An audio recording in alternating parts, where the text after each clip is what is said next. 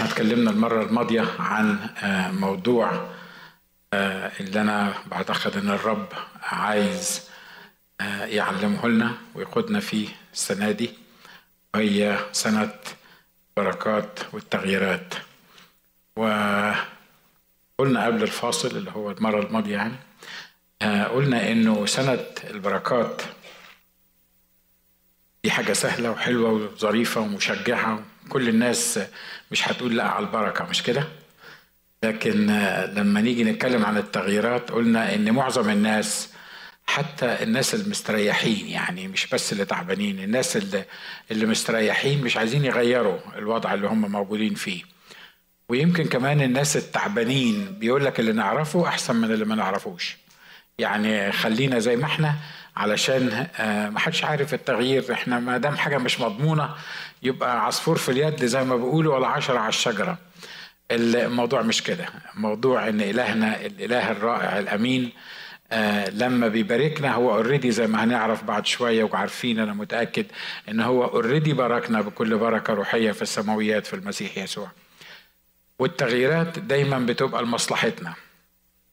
دايما دايما التغييرات اللي الرب عايز يعملها في حياتنا دايما بتبقى لمصلحتنا والسبب بسيط لأن إلهنا إله أمين. ولأن إلهنا ما هواش لا عندي ولا نكدي ولا ولا هو يعني بيدور لنا على الحاجة اللي تعرفنا علشان يعملها. لا هو في منتهى البساطة إله محب لأن هو محبة لأن الله محبة.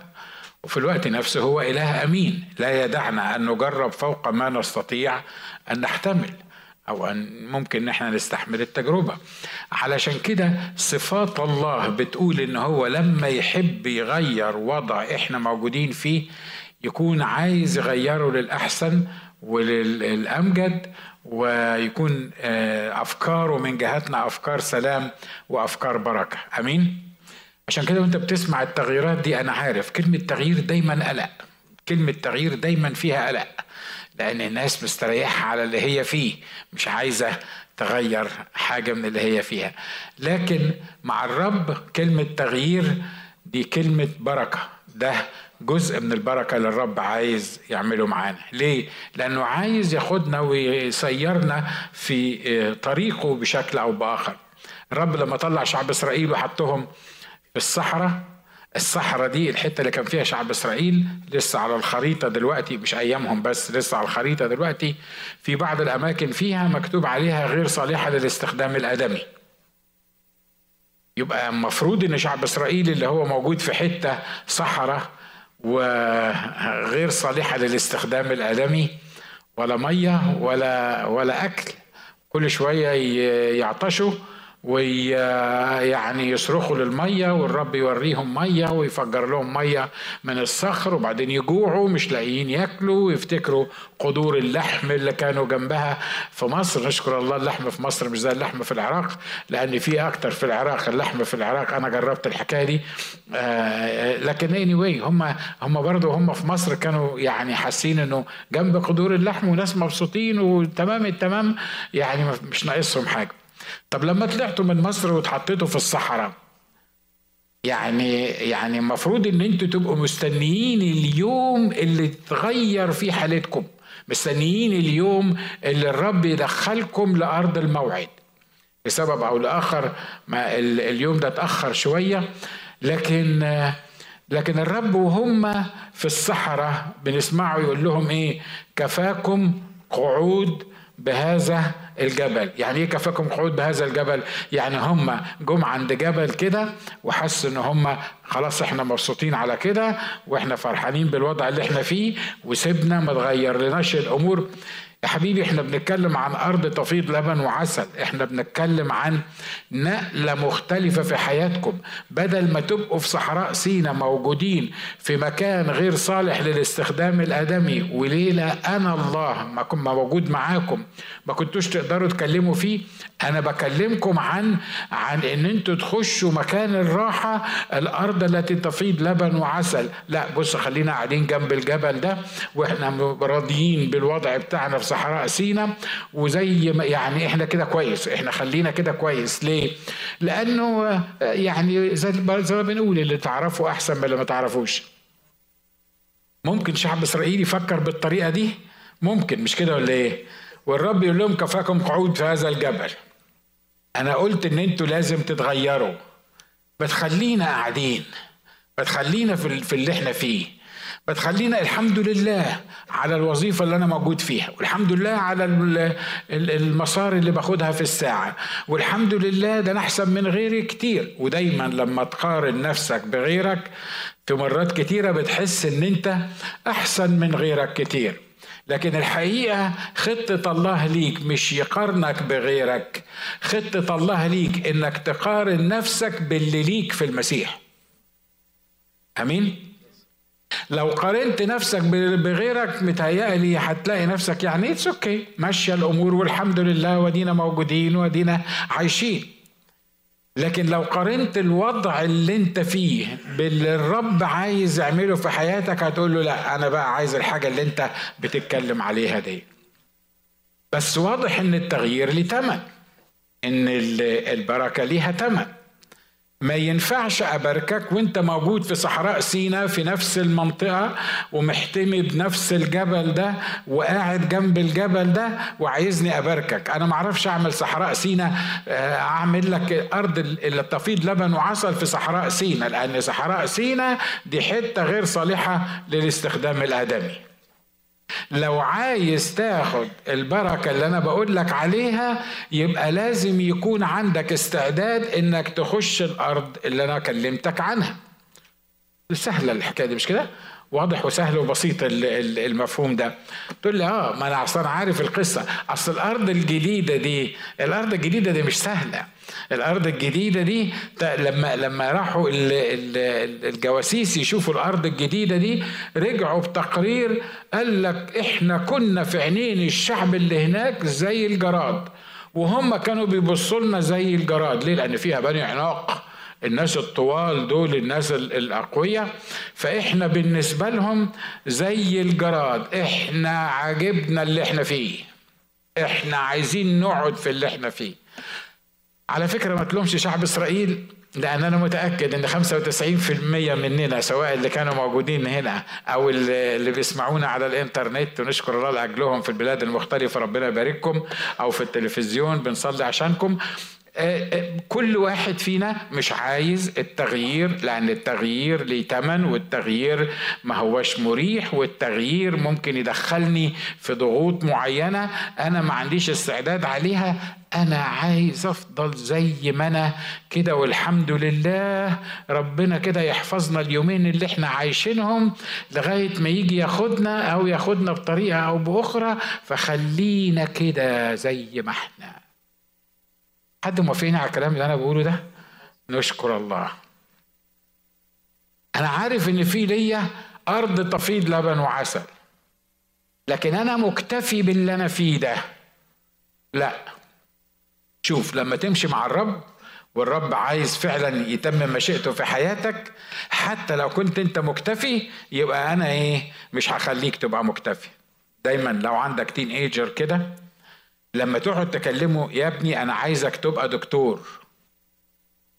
مش الدكتور مش أحسن حاجة by يعني any anyway يعني أنا بتكلم على على مثل معين.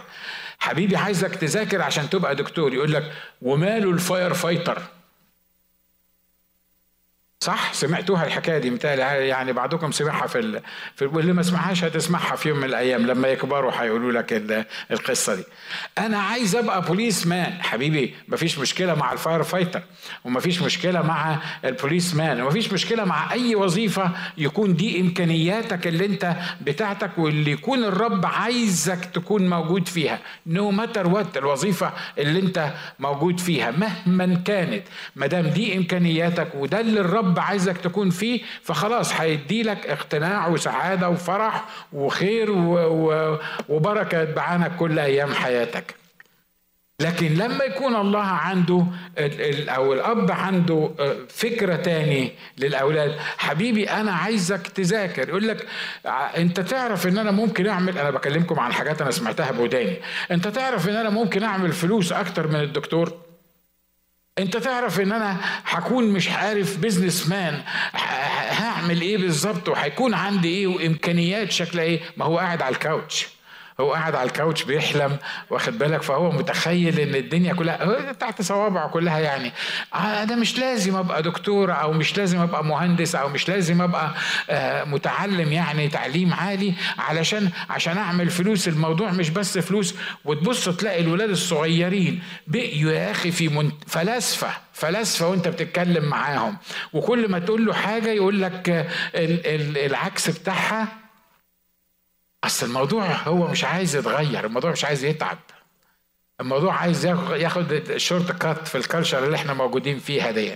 الموضوع عايز ياخد ال high school وبعد ال high school بسنتين ياخد له آه، شهادة كده من ال community college وبعدين يروح يشتغل أي شغلانة يعمل فيهم 15 دولار في الساعة والحمد لله إحنا أحسن من غيرنا. حد موافقني على اللي أنا بقوله ده؟ ما تحبش ما, تبصش لأولادك ما تنتقدش أولادك. عارف ليه؟ لأن كلنا كده كلنا كده.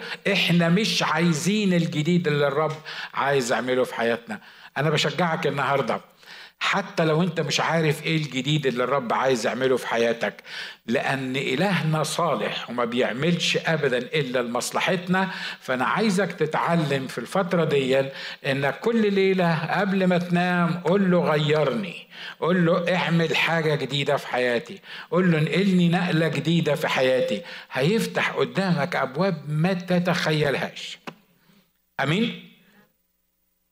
هنتكلم على الموضوع ده بالتفصيل بعد شوية. ده محتاج يتغير. ده اللي محتاج يتغير. اللي جوه هنا اللي جوه. بغض النظر بقى عن جوه إيه كل واحد عارف اللي جوه اللي جوه هنا إيه. لأن في ناس عندها مخ وزي ما قالوا في ناس عندها مهلبية. يعني بس صدقني حتى لو فيها مهلبية برضه المهلبية دي محتاجة تتغير. المخ يحتاج يتغير. كتاب بيقول تغيروا عن شكلكم بإيه؟ بتجديد أذهانكم. يعني إيه؟ يعني عشان تقبل التغيير اللي الرب عايز يعمله في حياتك وعلشان تكتشف التغيير اللي الرب عايز يعمله في حياتك ما تقدرش تفضل بنفس المخ وتشوف التغيير اللي الله عايز يعمله في حياتك. ما ينفعش. ما ينفعش. المخ القديم يفضل في الوضع القديم. لو عايز وضع جديد يبقى لازم المخ يتجدد لازم الذهن يتجدد. مش أنا اللي قلت الكلام ده الكتاب بيقول كده بيقول تغيروا عن شكلكم بتجديد إيه؟ أذهانكم. أول حاجة تتغير فيا وفيك مش الوظيفة اللي أنا بعملها مش الدخل اللي أنا بعمله مش العلاقات اللي أنا يعني انجيجد فيها. أول حاجة المفروض تتغير فيا وفيك المخ. تغيروا عن شكلكم بتجديد أذهانكم. الذهن يتغير. لما الذهن يتغير ومرة تاني بقول اللي عنده تين ايجرز تحس يا أخي إن دماغاتهم مربوطة على حاجات معينة مش عايزة تتحتح. وتلاقيهم كلهم حاطين الكلام في بق بعض كده. كلهم بيتكلموا في في في بق بعض كده. ليه؟ لأنه هو مش عايز يجدد ده، هو مش عايز يغير ده، هو ليزي، هو أصله طلع في عصر إحنا يعني العصر اللي إحنا طلعنا فيه لما كنت أروح الشغل الصبح كان لازم أمشي مثلا نص ساعة على رجليا، ما كانش عندي سيارة وماشي في شوارع مكسرة لكن أنا أصلا ما فكرتش إن أنا يعني أحلم بسيارة في الوقت ده لما اتخرجت جديد لأن أنا عارف إن إمكانياتي مش هتسمح لي إن أنا أركب سيارة. فكنت بعمل إيه؟ كنت بشوف إيه الحاجة المتاحة؟ بمشي. فوانا نازل من بيتنا دماغي مربوط على ان لأن ما عنديش سيارة وإن شاء الله مش هيبقى في سيارة ساعتها مش هيبقى في سيارة. فعمري ما قعدت كده قلت لا أنا مش رايح النهارده الشغل عشان المفروض بصراحة المشوار ده متعب عليا وأنا لازم يبقى عندي سيارة أروح بيها الشغل. ما حصلش الكلام ده. ليه؟ لأن ما عنديش. واضح اللي أنا عايز أقوله مش كده؟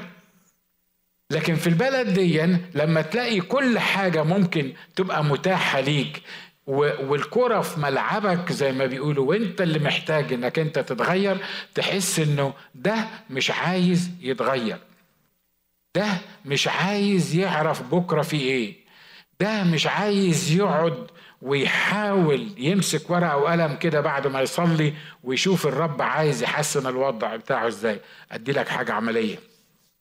أنا لسه ما دخلتش في الوعظة باي بس اني anyway أدي لك حاجة عملية. امسك امسك كده ورقة وقلم. وقول لنفسك أنت متوقع في آخر 2018 يبقى شكلك إيه؟ أنا متأكد إن ولا واحد فيكم عمل الحكاية دي ولا أنا.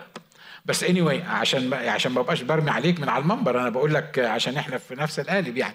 عايزك تمسك ورقة وقلم كده وتقول أنا عايز بس يعني تكون مصلي كده ومش يعني عشان لو كنت متخيل إنك هتترشح بدل ترامب مش ه... يعني ما تكتبهاش دي.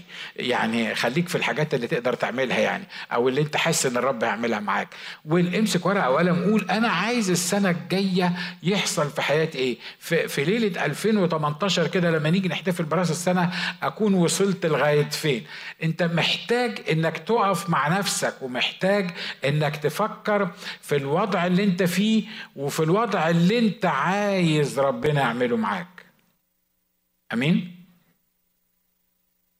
آمين ها؟ الرب لما حب يعلم إبراهيم إنك أنت عاق... مراتك عاقر وما عندكش ولد وكل اللي عندك وعود كل اللي عندك إله. في وقت من الأوقات قال له تعالى أنا عايزك تطلع تشوف نجوم السماء وتشوف رمل البحر. وتشوف الرملة قد إيه. علشان في يوم من الأيام هيبقى نسلك زي نجوم السماء ورمل البحر. طب ما أنت قول له الكلمتين دول وهو قاعد جوه الخيمة. واخد بالك؟ وهو اديك قلتهم له يعني كده كده انت قلتهم له قال لك لا ما ينفعش. ليه؟ لأن مرات كتيرة ببقى محتاج أطلع من الخيمة اللي أنا قاعد فيها. أنا محتاج إن أنا لما ربنا يكلمني أطلع من الخيمة أطلع من مكان الراحة بتاعي وبعدين أشوف نجوم السماء وأقول لنفسي أهو أنا نسلي هيبقى زي نجوم السماء. حاجة مضحكة. طبعا واحد ما بيخلفش حتى ما عندوش ولد يقول لنفسه نسلي هيبقى زي نجوم السماء. لما تتملي بالفكر ده الكتاب بيقول عن المرأة الفاضلة تتأمل بيت فتأخذه. لما ت... لما تحب تعمل حاجة معينة تتأمل تروح تبص وتشوف وتدور وت... وت... وتتخيل و... وتحط ايمج معين وتصلي علشانه. وبهنا يحصل التغيير في حياتها. أمين؟ شفت عطيتك كم طريقة عشان يحصل تغيير في حياتك المرة المد... السنة اللي جاية؟ لما أندي ابني كان 16 سنة وحب يجيب سيارة. طبعا دول مع يعني زي ولادنا كلهم مولودين بالنسبة لنا إحنا وبقهم فيها معلقة ذهب زي ما بيقولوا يعني. فهو عايز سيارة. فهو عمل إيه؟ قال أنا عايز سيارة بي إم دبليو. راح داخل على الانترنت اختار الدواليب بتاعتها الكاوتشات بتاعتها تبقى شكلها إيه ومن جوه لون الكراسي تبقى شكلها إيه. ومش عارف ال engine يبقى شكله إيه. طبعا أنا ما أعرفش الكلام ده كله. يعني أنا كنت لا أعرف الكلام ده كله. مش عارف كنت عملت فيه إيه. بس anyway يعني هو قاعد عمل الحكاية دي لوحده. وتخيل السيارة بتاعته البي ام دبليو هتبقى شكلها كذا وهيبقى فيها كذا وال power بتاعها كذا والدواليب بتاعتها كذا اللي هي الكاوتشات يعني بالمصري. وكل حاجة بالظبط هتبقى إيه. وما جابليش سيرتها. وكل شوية لما يقرب عيد ميلاده يقول لي يقول لي بابا أنت هتجيب لي عربية في عيد ميلادي مش كده؟ أقول له آه. يقول لي I wish تبقى بي ام دبليو طبعا أنا مش بحكي لك أنا بحكي لك إزاي إزاي أنت تغير نفسك ها؟ أنا مش بحكي عن أندي والبي إم دبليو لا أنا بحكي بحكي عنك أنت عشان لحسن تسرح مع أندي وتطلع في الآخر خالص تقول شفت ابن القسيس جاب عربية بي إم دبليو وخلصت العملية أنا بتكلم عنك أنت مش عن مش عن أندي. فطبعا أول مرة سمعت أنا كلمة بي إم دبليو حصل لي آه فوران. ليه؟ بي إم دبليو يا ابني أنت بتاع 16 سنة أنت لسه ما خدتش ال license بتاعتك. أروح أجيب لك بي إم دبليو. وأنا ما كنتش أقدر أجيب له any anyway بي إم دبليو ساعتها. وهو رمى كلمة. وسكت. بعدها بأسبوع ألاقيه يقول لي تعرف يا بابا ده أنا شفت في مش عارف في الإنترنت مش عارف دلوقتي مش عارف بيعملوا إيه في البي إم دبليو. أقول له اندي مفيش بي إم دبليو. okay. يقول لي آه okay. ولا كأن في حاجة. بعدها بأسبوع تاني أول ما يشوفني يروح مكلمني على البي إم دبليو. باختصار باختصار باختصار. اليوم اللي اشترى فيه بي, بي إم دبليو كان مجهز كل حاجة في العربية بتاعته. وأنا في العيادة فوجئت إن الأخت أماني بتتصل بيا بالتليفون بتقول لي إحنا في البي إم دبليو dealer وفي عربية بصراحة هي بعيد عنه كده في عربية بصراحة ممتازة جدا. لو أنت شفتها ممكن تحب تجيبها لاندي إيه رأيك نعمل إيه الحكاية دي؟ نعمل إيه في الحكاية دي؟ عارفين عارفين أندي أقنع أماني يجيب له البي إم دبليو إزاي؟ خلي بالك إن اندي دي أماني دي أم اندي ها؟ يعني المفروض إن هي اللي تقنعه باللي هي عايزاه. لما ابتدى يتكلم على السيارة فقالت له ما ينفعش البي إم قال مش هنشتري إحنا بس هنروح ال dealer علشان نشوف السيارة. باختصار الأخ أندي أقنع الأخت أماني يروحوا الديلر يشوفوا السيارة. طلع بمفاتيح السيارة.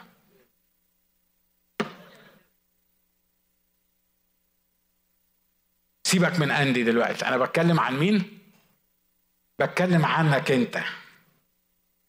لما لما يبقى في تغيير في حياتك في 2018 أنت محتاج تقعد وتفكر وتصدق وتصنع المستحيل عشان في آخر 2018 يبقى حصل في حياتك التغيير اللي الرب عايزه يحصل في حياتك. أمين؟ تقول لي يعني يعني أنا مش عارف كمية التغيير شكل التغيير دي مش مشكلتك دي مش مش مش قصتك.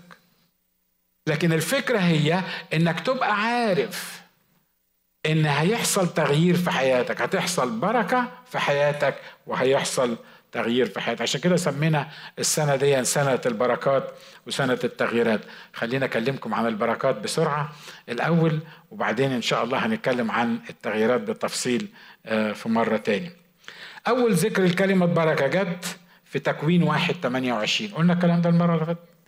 anyway نقراها تاني. بيقول وباركهم الله وقال لهم اسمروا واكسروا واملأوا الأرض واخضعوها وتسلطوا على سمك البحر وعلى وقلنا المرة الماضية إنه البركة ذكر البركة جت في أول أصحاح في التكوين. أول ما الله عمل آدم وحواء. عملهم للبركة. عملهم عشان يكونوا مباركين. عملهم عشان يستمروا في البركة. عملهم وعمل البركة بتاعتهم معاهم. لا الأحسن نقول عمل البركة بتاعتهم قبل ما يعملهم هو. مش كده برضو ولا إيه؟ لأنه خلق وخلق وخلق وخلق وخلق. وبعدين شاف الجنة كده جميلة جدا فقال أعمل إيه؟ أعمل بقى الإنسان.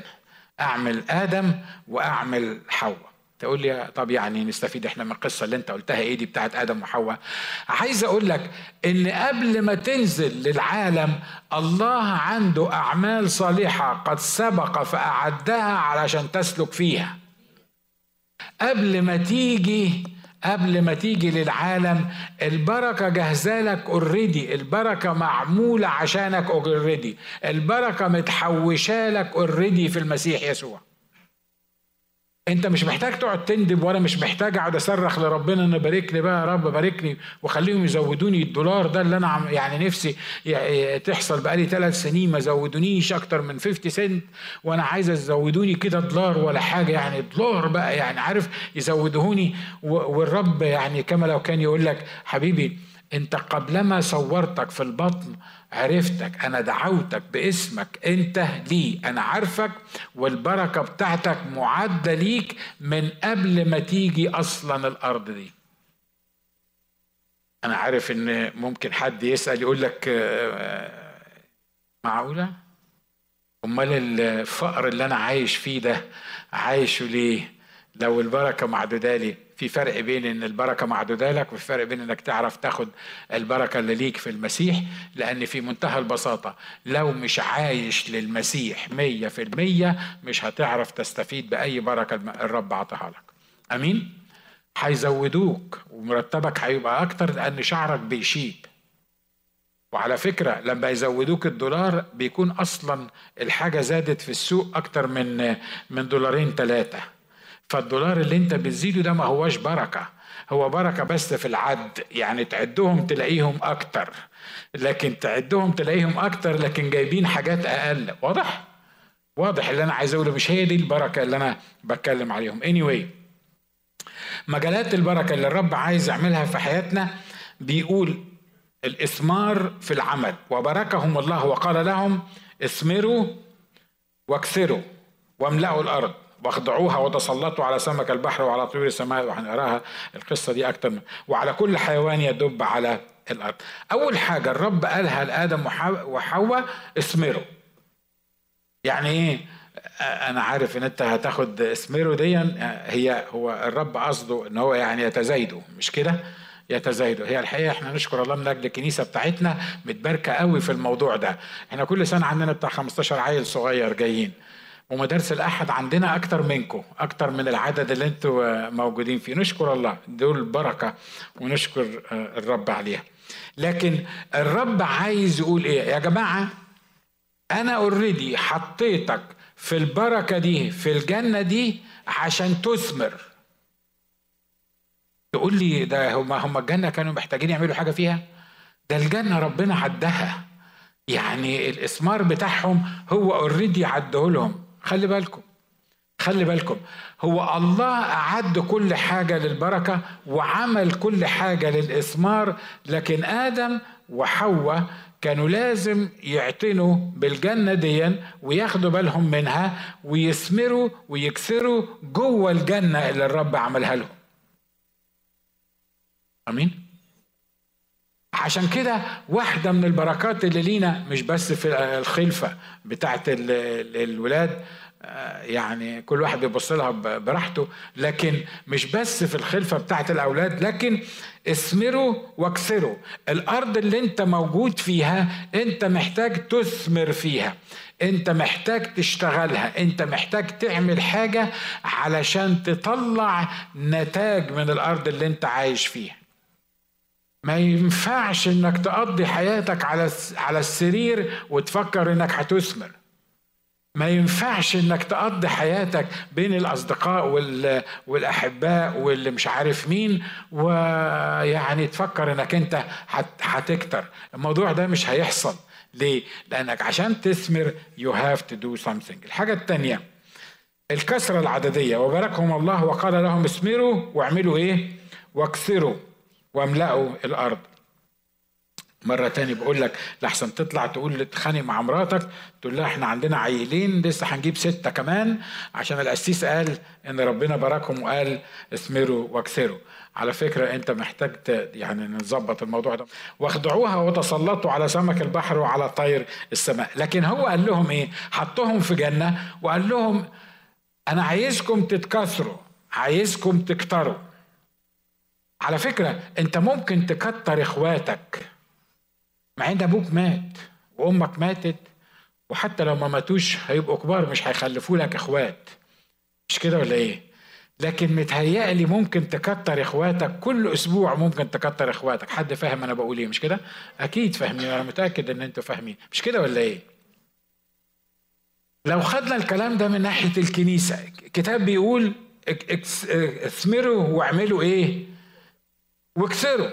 واملأوا الأرض. آه يا سيدي أنا مش هقول لك املأوا الأرض هقول لك املأوا الكنيسة. وده اللي عايز الرب يعمله. إحنا عايزين نثمر ونعمل إيه؟ ونكسر. وعددنا يزيد. أنا عارف إن إبليس مرات يقول لك إيه؟ المهم مش مشكلة. المهم بالنوعية مش بالكمية. كلنا بنقول الكلام ده مش كده؟ سمعت الكلام ده قبل كده؟ المهم بالنوعية. مش بالكمية. على فكرة هتبقى بركة لما يكون عندك كمية ونوعية كويسة. مش كده ولا إيه؟ حاول تفهم أساليب إبليس اللي بيحاول يعملها معانا. يقول لك شوف أنا عندي عشر إخوة عدلين وكويسين و... وناس طيبين ومؤمنين حلوين و... و... ويعني كده ناضجين أحسن ما يكون عندي 200 أخ ي... يقرفوني في عيشتي. أظن الجماعة اللي بيسمعوني أول مرة بيقولوا هو القسيس ده بيوعظ كده إزاي؟ مش كده؟ بس اني anyway دي الطريقة اللي أنا بوعظ بيها. على فكرة على فكرة أنت ممكن يبقى عندك 300 أخ وبرضه يبقوا عسل وسكر وحلوين وهم دول اللي إحنا بندور عليهم. أمين؟ فالرب واحدة من البركات اللي عايز يعملها هي إيه؟ إن إحنا نكتر يقول يا ريت. إحنا هنصلي علشان نكتر عشان السنة الجاية نبقى على الأقل عددنا دبل العدد اللي هو موجود على فكرة لما ربنا بيبعت حد طفل جديد لعيلة بيبقى بيبقى محتاج شغل مش كده ولا إيه؟ ها؟ متهيألي ما بيصحوش يلاقوه على السرير ما أعرفش أفسر أكتر من كده يعني يعني يعني يعني لما بيجي الطفل بيبقى بيبقى محتاج رعاية ومحتاج إحنا هنصلي عشان ربنا يبعت لنا ناس في الكنيسة. يعني أوعدك صلي زي ما أنت عايز. من غير ما تعمل حاجة ما أعتقدش إن ربنا هيبعت لنا حد. مش كده ولا إيه؟ تقول لي قسيس الصلاة أنت بتقلل من مقدار أهمية الصلاة؟ لا لا أنا بقللش من أهمية الصلاة. لكن تخيل معايا الفلاح لو قال إيه؟ هو مين اللي بيطلع الثمر؟ ربنا مش كده ولا إيه؟ مين اللي هيجيب الثمر؟ أكيد الرب. فهيعمل إيه الفلاح؟ يقول لك أنا هقضي الموسم كله صلاة وصوم. يجي آخر الموسم يعمل إيه؟ هيحصد؟ مع إنه صلى مش كده ولا إيه؟ ومع إنه يعني قطع نفسه. ومع إنه آه، آه، عمل كل اللي يقدر يعمله مع ربنا لكن هو بيعمل إيه؟ الحامل المبذر الزرع. وبالبكاء رايح علشان يرمي البذور في الأرض. مجيئا يجيء بالترنم حاملا إيه؟ حاملا حزم وبس قبل ما يجي بالترنم والفرح هو ذاهب ذهابا بالبكاء حاملا مبذر إيه؟ مبذر الزرع. عشان كده مهم جدا وإحنا بنصلي عشان الله ويكبر عددنا. على فكرة إحنا مش عايزين العدد علشان بس مجرد يعني نفرح بال... بالناس اللي موجودين. نشكر الله من أجلكم. و... ومش عايزين العدد يكبر بس كده عشان يبقى عندنا كنيسة كبيرة موجودة. نشكر الله إن اللي بيسمعونا على التلفزيون وعلى الإنترنت آلاف الأضعاف. بتاع الكنيسة اللي موجودة لكن مش ده اللي إحنا بنكتفي بيه ليه؟ لأن إحنا عايزين الله يخلينا في خلال السنة دي نثمر ونكثر أمين؟ حد موافق على الموضوع ده؟ تقول لي يعني هنعمل إيه؟ عارف اللي عندك في البيت اللي نايم اللي مش عايز يجي؟ عارف اللي مصر مش حاجبه القسيس هو مش حاجبه القسيس فنعمل له إيه؟ هنجيبه إزاي ده؟ يعني هنشيله يا ولا يعني هنعمل فيه إيه؟ مش مهم القسيس ده خليه يروح عند أي قسيس تاني خليه يروح أي كنيسة تاني خليه يروح خليه يبقى انفولفد في في عمل الله وفي خليه يتغير يعرف يسوع مخلص شخص لحياته. لما يعرف يسوع مخلص شخص لحياته هتضمن هيضمن حياته الأبدية وإنت هتضمنه وإنت هتفرح وهو هيفرح. تقول لي يعني أعمل إيه؟ عارف بنتك اللي مش جاي أنا مش بكلم عن حد معين. عارف بنتك اللي مش عايزة تيجي الكنيسة أو ابنك اللي مش عايز يجي الكنيسة؟ لو كل يوم الصبح عملت له زي ما عمل لي أندي في البي ام دبليو وفي الآخر خالص هتجيبه الكنيسة زي ما أندي جاب البي ام دبليو طبعا مش بقارن بين ابنك وبين السيارة. لكن أنا بتكلم عن عن عن عن إنك أنت يبقى حاطط جواك إن أنا فلان ده هصلي له هصوم له هتكلم معاه كل يوم حد وهقول له على الكنيسة بطريقة ما تكرهوش في الكنيسة لو سمحت.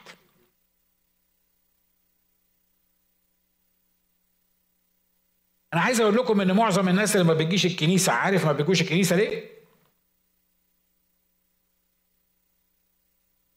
عشانك.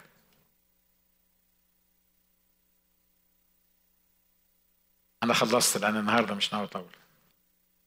عارف ما بيجوش الكنيسة ليه؟ علشانك. ليه؟ لأنك أخ في الكنيسة ولما رحت زرتهم طبعا أنت راجل متدين. يعني راجل روحي بقى يعني وبتاع الكنيسة وبتاع الكنيسة بتاعتنا. فلما رحت زرتهم وقعتهم السودة كانت هم حاطين صورة لحد من القديسين. أنا مش بكلم عن حالة معينة لو حصل في بيتكم أتمنى اللي عمل معاك كده يفهم. لو كان موجود يعني أنا مش بتكلم عن أي حاجة في أي حاجة يعني. بس هو هو راح بيتكم وشاف الصورة اللي أنت حاططها. أنت خاطي ومراتك خاطية وهالك ورايح جهنم. وهو ما فرقش معاه كل الحكاية دي. كل اللي فرق معاه إن أنت حاطط صورة على الحيطة. فركبوا عفاريت عشان تنزل له الصورة اللي على الحيطة عشان يحس إن هو عمل حاجة كويسة. فلما اتكلم معاك في الصورة اللي على الحيطة انت عملت إيه؟ بعد ما مشي قلت الراجل ده أنا لا عايز اشوفه ولا عايز اقابله ولا عايز اتعامل معاه الراجل ده ده الكنيسة بتاعته أنا مش عايز اخشها. يبقى انت اللي وديته جهنم. بلاش. حاجة تاني. تروح بيت واحد من المؤمنين. واحد من المؤمنين. تلاقي حاجة موجودة كده عنده مش عاجباك. أنا مثلا زمان أنا ما بحبش حكاية الفراعنة بصراحة وما بحبش التعابين اللي بيعملوها دي لأن دي كانت آلهة في هناك يعني. فمستحيل أحطها في بيتنا مثلا أحط حدوة على باب بيتنا ولا أحط تعبان من بتوع الفراعنة ولا أحط حتى توت عنخ آمون ولا عنخ أي حاجة في أي حاجة. في في المسألة دي ما ما, ما بحبهاش. بس رحت زرت واحد مؤمن مصري. لسوء حظه اهله وهم جايين في مصر جابوا له تمثال صغير كده من بتوع البتاعة دي. أنا رايح أزوره. أول ما شفت التمثال ركبني عفاريت الدنيا كلها. ما هي حاجة تضحك فعلا. آه، ركبني عفاريت الدنيا كلها. وسبت السؤال عنه. وعن الناس اللي, المفروض رايح لهم. ومسكت في مين؟ مسكت في الآلهة بتاعت المصريين اللي انت حاططها في بيتكم واللي عاملة المشكلة الكبيرة. أقول لك حاجة مقصودة بقى. تلاقي ديبيت كبير بين المؤمنين. نعمل شجرة الميلاد ولا ما نعملهاش؟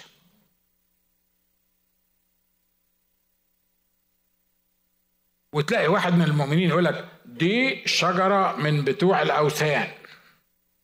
دي من زمان عاملينها. دي مش المفروض تكون موجود في بيتك. كلامه صح؟ كلامه صح. كلامه صح؟ صح. جزء منه مظبوط. إحنا وإحنا يعني لما ولدوا المسيح كانوا عملوا شجرة؟ ما ما عملوش شجرة. مش كده ولا إيه؟ فكلامه صح. دي دي ما فيهاش فصال لكن خلي بالكم لكل مجال كلام. والكل سبب في زيارتك انت رايح ليه تزور الناس دول؟ لو انت رايح تشجعهم دي مش مقصودة بقى ها؟ إحنا دخلنا في اللي مش مقصود عشان عشان نبقى واضحين. أنا رايح أشجع راجي مثلا أو راجي جاي يشجعني في البيت. يبقى لقى عندي شجرة؟ لقى عندي تعبان؟ لقى عندي آه، بتاع من القدماء المصريين آه، حدثاء المصريين أي حاجة في أي حاجة. الهدف الأساسي في البيت من الزيارة ما هواش دي. عارف لو أنا سألت راجل قلت له إيه رأيك يا أخ راجل؟ أنا عندي تمثال من بت... أنا ما عنديش تمثال في مصر من بتوع المصريين بايزاوي بس أنا سألت الأخ راجل قلت له إيه رأيك يا أخ راجل؟ أنا عندي تمثال بتاع المصريين إيه رأيك فيه؟ يبقى راجل مطالب إن هو يقول لي بالظبط. رأيه فيه. لأن أنا اللي سألت. مش كده ولا إيه؟ في يفط كبيره إحنا بنستخدمها. في يفط يفط كبيره لا تصنع لك تمثالا منحوتا أو مسبوكا لبست في مخك الحكاية دي. دي آية في الكتاب مش كده برضه مظبوط؟ لازم ن ن يعني ن نذبحها لازم نذبحها مش كده ولا إيه؟ لكن عايز أقول لك حاجة هيعمل إيه التمثال لما تشيله من بيت واحد رايح جهنم؟ قول لي قول لي يعني يعني فهمني. لما تيجي وتعمل قصة كبيرة عشان أنا اللي رايح جهنم أشيل التمثال اللي موجود في بيتي حبيبي ده رايح جهنم خليه هو والتمثال بتاعه يروح جهنم. مش كده ولا إيه؟ لما يعرف يسوع مخلص شخص لحياته والله يقول لك اتكلم في الموضوع ده في الزيارة دي. دلوقتي تتكلم. يا إخوة أخوات من ضمن الحاجات اللي عايز ربنا يثمر فينا ويعلمها لنا وإحنا بنعيش إن يبقى عندنا تمييز للأزمنة والأوقات تمييز للكلام وإمتى نتكلم وإمتى نقول آه وإمتى نقول لأ وإمتى نشاور على الحاجة الغلط. إحنا أنا مش بقول ابدا إن إحنا نوافق على الحاجة الغلط ومش بقول ابدا إن إحنا نشجع على الحاجة الغلط ومش بقول ابدا إن إحنا بمجرد بس إن إحنا يعني عشان نبقى دمنا خفيف ونبقى ظراف لكن أنا بتكلم عن لو كنت عايز الله يثمر ويستخدمك في الفترة اللي جاية أنت محتاج تميز تقول إيه إمتى إزاي. أمين؟ الكتاب بيقول اللي يبارك أخوه بصوت عالي الصبح يتحسب ليه إيه؟ يعني لو واحد لسه مدغدش ما فتحش عينيه كويس وفتحت الباب قلت له صباح الخير. هيفط من على السرير مش هقول لك هيعمل فيك إيه عشان على المنبر. أنت واخد بالك؟ واخد بالك من اللي أنا بقوله؟ إحنا البركة والإثمار والإكثار والكلام اللي إحنا بنقوله ده هو محفوظ لينا في المسيح لكن إحنا محتاجين نتعلم إزاي نحصل عليه. آمين؟ إحنا محتاجين نقول يا رب علمنا علمنا فهمنا إزاي نقدر نحصل نحصل على البركة اللي موجودة لنا إزاي نقدر نحب إخواتنا؟ يا إخوة وأخوات إحنا عايزين نسبق وعايزين نكتر. وعايزين ناس تجيلنا عشان تعرف الحق الكتابي وعلشان الله يباركها في حياتها وعلشان تنقذ من الجحيم اللي هي رايحاه. ده كل الهدف بتاعنا اللي إحنا عايزينه. علشان كده لأن إبليس عارف إن ده هدفنا فهو يعمل إيه؟ يخلينا نوصل للنفوس دي بطريقة غلط. فيبقى بدل ما نجيب النفوس البر علشان تعرف المسيح نطفش النفوس اللي جوه علشان تعيش زي أهل العالم مرة تاني. وللأسف ده اللي إحنا مرات كتيرة بنقع فيه. يمكن قلت لكم الحكاية دي قبل كده مرة واحدة قالت لي تعالى زورنا. قلت لها طيب قالت لي عشان أنا جوز بنتي خاطي وعايزك تكلموا عن المسيح. إن شاء الله يعني يعني ربنا ي...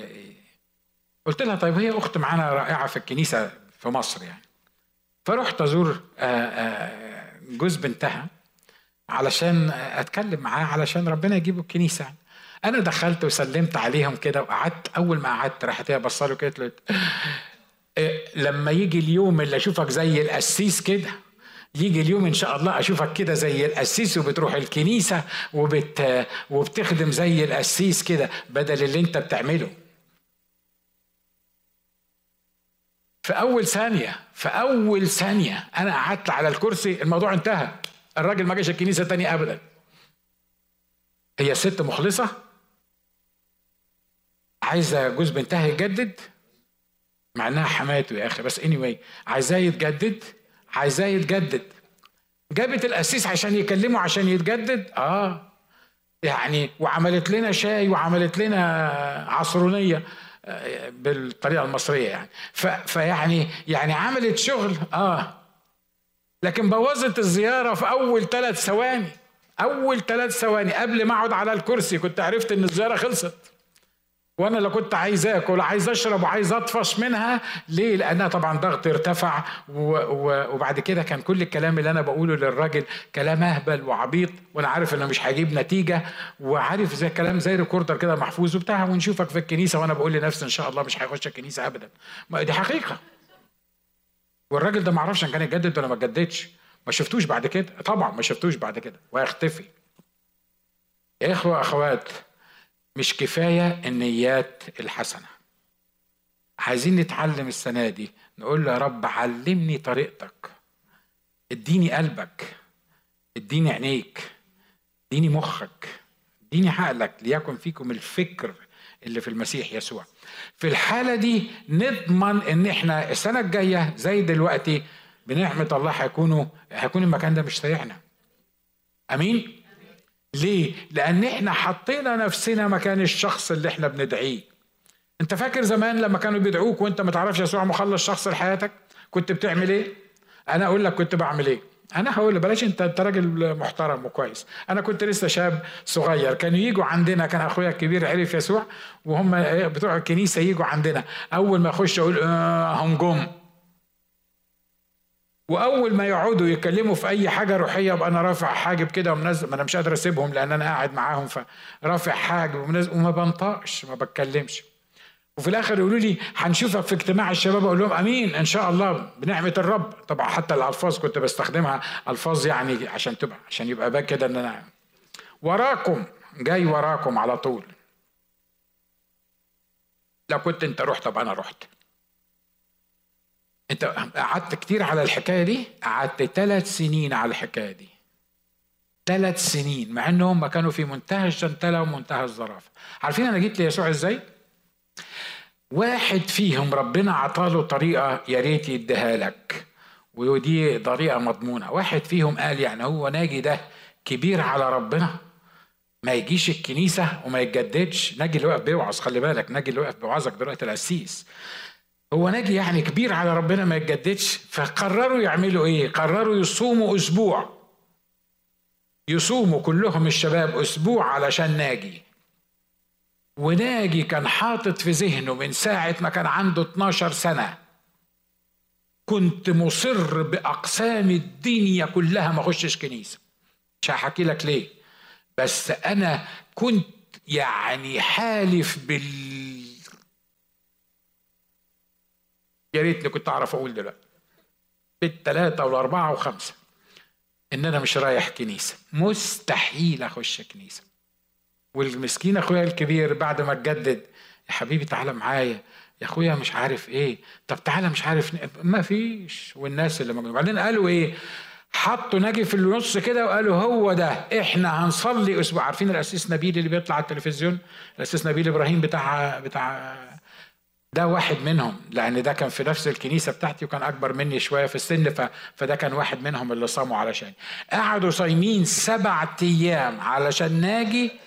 اللي بالنسبة لهم ناجي ده هيطلع حتة واحد أهو يعني عيل كان عنده 17 سنة. عايز أقول لكم حاجة إن الأسبوع ده كان أسوأ أسبوع في حياتي. ربنا دخلني كده في حالة من الغيبوبة والبله كنت قاعد أبقى قاعد كده في الأوضة أو في السرير أو في الكاوتش وأنا عم كده. اللي حواليا كلهم قالوا في حصلت له حاجة نفسية عنده مرض نفسي أو أي حاجة يعني. حبيبي مالك؟ بابا يقول لي حبيبي مالك؟ يا بابا إيه اللي مين زعلك؟ ماما قالت لك حاجة ضايقتك وماما تقول لي بابا قال لك حاجة ضايقك والدنيا كلها. وأنا فاتح بقي كده. كان أسوأ أسبوع في حياتي. هم كانوا بيعملوا إيه؟ يقول لي يعني هم لما يصوموا ويصلوا هتخلي خلي حياة اللي عندي في إن شاء الله يا أخي هو حر بقى يخليه أسوأ أسبوع يخليه أحلى أسبوع بس في النهاية يجدده في النهاية يجيبه في النهاية يعرف يسوع مخلص شخص لحياته. وفي الليلة اللي أنا اتجددت فيها حلمت حلمين ورا بعض.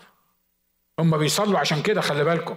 في نص الليل حلمت إن أنا واقف في أوضة البيبان بتاعتها مقفولة لكن بيبان يعني زي ما اكون مخلعة كده والشباك بتاعها مخلع واحد عسكري عارفين الشاويش عطية؟ الشاويش عطية بالظبط اللي بيطلع في الأفلام ده بتاع عادل إمام اللي هو أبو شنب كبير ده. واقف كده بره الباب واقف حارسني. وبعدين أختي معدية بره الباب. فبقول لها أنت مش واخدة بالك إن أنا هنا؟ مش واخدة بالك إن أنا مسجون؟ أنا ما عملتش حاجة عشان يجيبوني. ممكن تروحي تقولي لأبويا أو أخويا يجوا يطلعوني؟ راحت بصيت لي كده قالت لي ما حدش يقدر يطلعك من الأوضة دي غير يسوع. خدت بعضها ومشيت. ما وقفتش. نمت. أما فتحت عينيا قلت آه ده لازم يسوع عايز فعلا يخلصني ويجددني. ما أنتوا عارفين إن أنا religious يعني كان عندي فكرة برضو عن ال terminology بتاع الكنايس يعني. آه متدين. لما نمت حلمت إن أنا في بحر بغرق. بغرق. أنا بغرق وأنا كنت بعرف أعوم. وأمي اللي ما بتعرفش تعوم قاعدة على المية. وقاعدة على المية ومبسوطة وما فيش أي مشكلة قاعدة.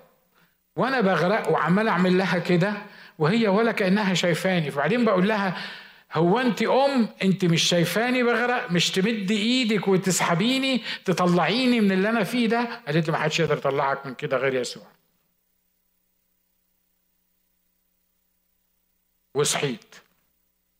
متهيألي بعد كده عرفت إن يسوع ما حدش يعرف يطلعني من الورطة اللي أنا فيها ومن الحزن اللي أنا فيه ومن من الحالة اللي أنا فيها غير يسوع. علشان كده تاني يوم رحت الكنيسة. رحت الكنيسة. يسوع في حنانه وفي رحمته أنا قعدت طبعا أنتوا عارفين أنا ريليجيوس زي ما قلت لكم. ومتعود زمان لما كنا نخش الكنيسة تلاقي نفسك عملت كده وحطيت دماغك كده قال يعني بتصلي واخد بالك؟ إحنا في مصر متعودين الع... ما أعرفش أنتوا متعودين على الحكاية دي بس أول ما تخش كده تلاقي نفسك يعني إيه بتصلي بتقول كلمتين يعني. فأنا دخلت الكنيسة فعملت كده زي ما, ما الناس كلها بيعملوا كنت لوحدي بقى ما كانش لسه حد جه فعملت كده. أنا عملت كده ولقيت حاجة في وداني بتقول لي ما تسلم لي حياتك وتقبلني مخلص شخصي لحياتك وأنا أغير حياتك وتتجدد. عارفين أول ما سمعت الصوت ده أنا قلت إيه للرب؟ قلت له اسمع. بيقولوا عليك بتحترم إرادة الإنسان. بص الفلسفة بتاعت واحد غبي عنده 17 سنة بيكلم ربنا بيكلم ربنا. قلت له اسمع بيقولوا عليك بتحترم إرادة الإنسان وأنا بإرادتي مش عايز أعرفك. شفت الناس عاملين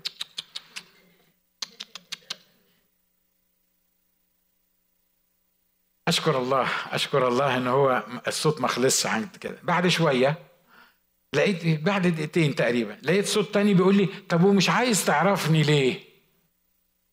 قلت له ببساطة لأنك لا أنا لو عرفتك هتقول لي سيب أصحابك والشلة اللي أنت ماشي معاها وما عنديش استعداد أسيبهم ابدا. بعد دقيقتين تانيين كانوا الناس ابتدوا يجوا بعد دقيقتين تانيين قال لي مين قال لك إن أنا هقول لك سيب أصحابك والناس اللي أنت موجود معاهم؟ أنا برد عليه. قلت له نعم يعني هعيش معاك وعيش مع أصحابي؟ ده مستحيل ما ينفعش. وأنا ما أقدرش أقول لأصحابي إن أنا بقيت مؤمن. عملت زي عادل إمام أقول للناس ما بقتش صايع. ما أنا كنت متأثر بالحكاية دي لأن المسرحية كانت قبل التجديد يعني. أقول للناس إيه؟ أقول لهم أنا بقيت بتاع كنيسة. أقول للناس أنا بقيت إنجيلي. أقول للناس أنا بروح كنيسة إنجيلية. ما أقدرش أنا اواجه الناس واقول لهم الكلام ده. ما ينفعش ان أنا اواجه الناس واقول لهم الكلام ده.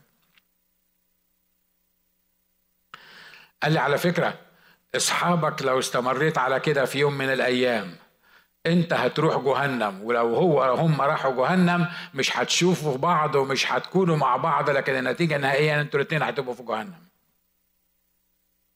وبعدين الناس ابتدوا يرنموا. الناس الإخوة ابتدوا يرنموا عن دم يسوع وتغيير دم يسوع للناس. والترنيمة بتقول بنك الدم دايما مفتوح على حساب الجنب المجروح. ساعتها بس عرفت إن أنا خاطئ. ساعتها بس عرفت إن أنا معاند. ساعتها بس عرفت إيه؟ إن الله الكبير بيتكلم مع واحد زيي وإنه عايز يجددني وعايز يخلصني.